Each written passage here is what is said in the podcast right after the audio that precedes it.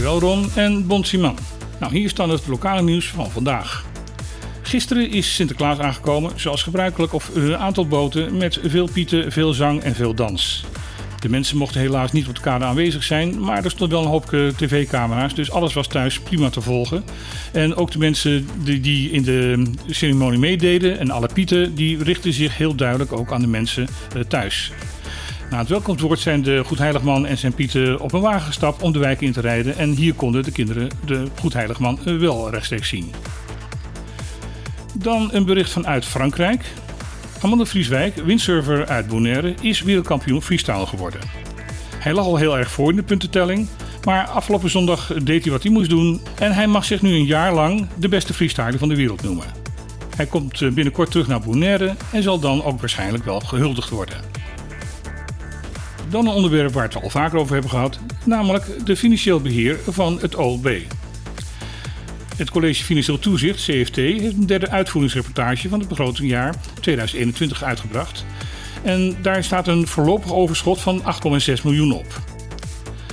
De rapportage geeft aan dat het OLB in het derde kwartaal 12,9 miljoen zou moeten uitgeven. En dan zou er ook een tekort ontstaan. Maar de verwachting is, is van dat ook nu niet alles gedaan gaat worden wat op de begroting staat. En dan is er dus een overschot. Daardoor blijft er ook dit jaar weer een groot bedrag over.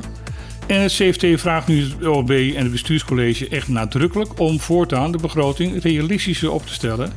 En niet alle mogelijke dingen op te zetten die er uiteindelijk niet uitgevoerd gaan worden. Dat de begroting ook echt daadwerkelijk representatief is voor wat er het volgend jaar gedaan gaat worden. Niet alles is negatief, want eh, CFT constateert ook dat er een aantal belangrijke functies zijn ingevuld, waardoor het toezicht op financieel beheer waarschijnlijk wel beter gaat worden.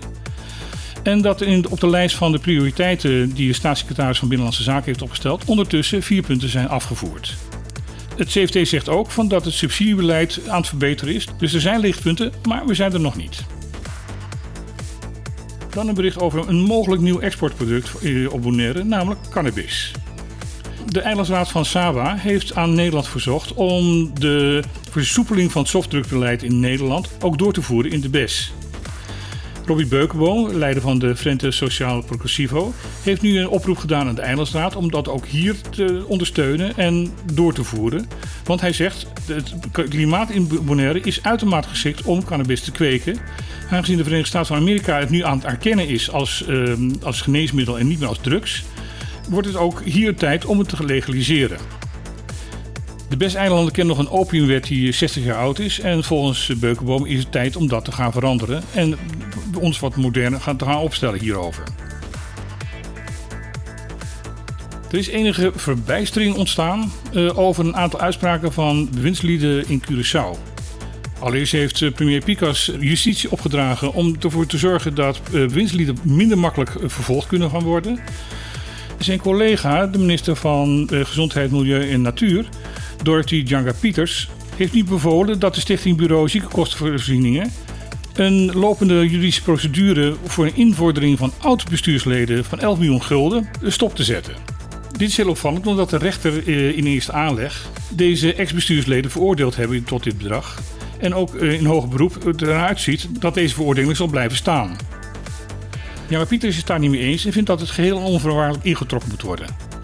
Pikant detail daarbij is dat oud-minister Jacinta Constantia van dezelfde partij, MFK, hierbij betrokken is. En ja, misschien dat dat toch nog enigszins wat met elkaar te maken heeft. Het laatste is hier nu over gezegd, want de bestuursleden van de stichting zijn heel boos en zeggen van dit is niet rechtsgeldig. En de minister heeft niet eens de bevoegdheid om zo'n opdracht te geven.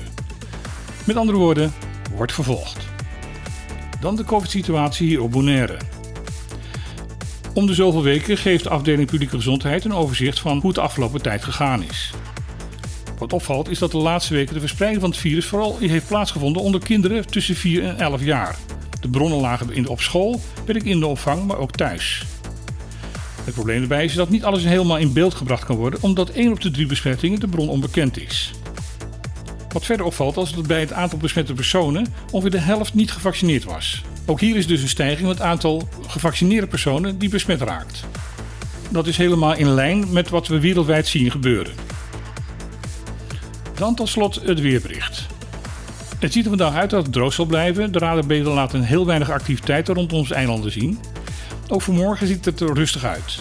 De temperatuur zal in de middag ongeveer oplopen tot 31 graden, maar de gevoelstemperatuur kan een aantal graden hoger zijn, namelijk boven de 35. In de avond zakt de temperatuur af tot 26 graden. De wind is beide dagen matig. Dat was het voor vandaag. Tot morgen.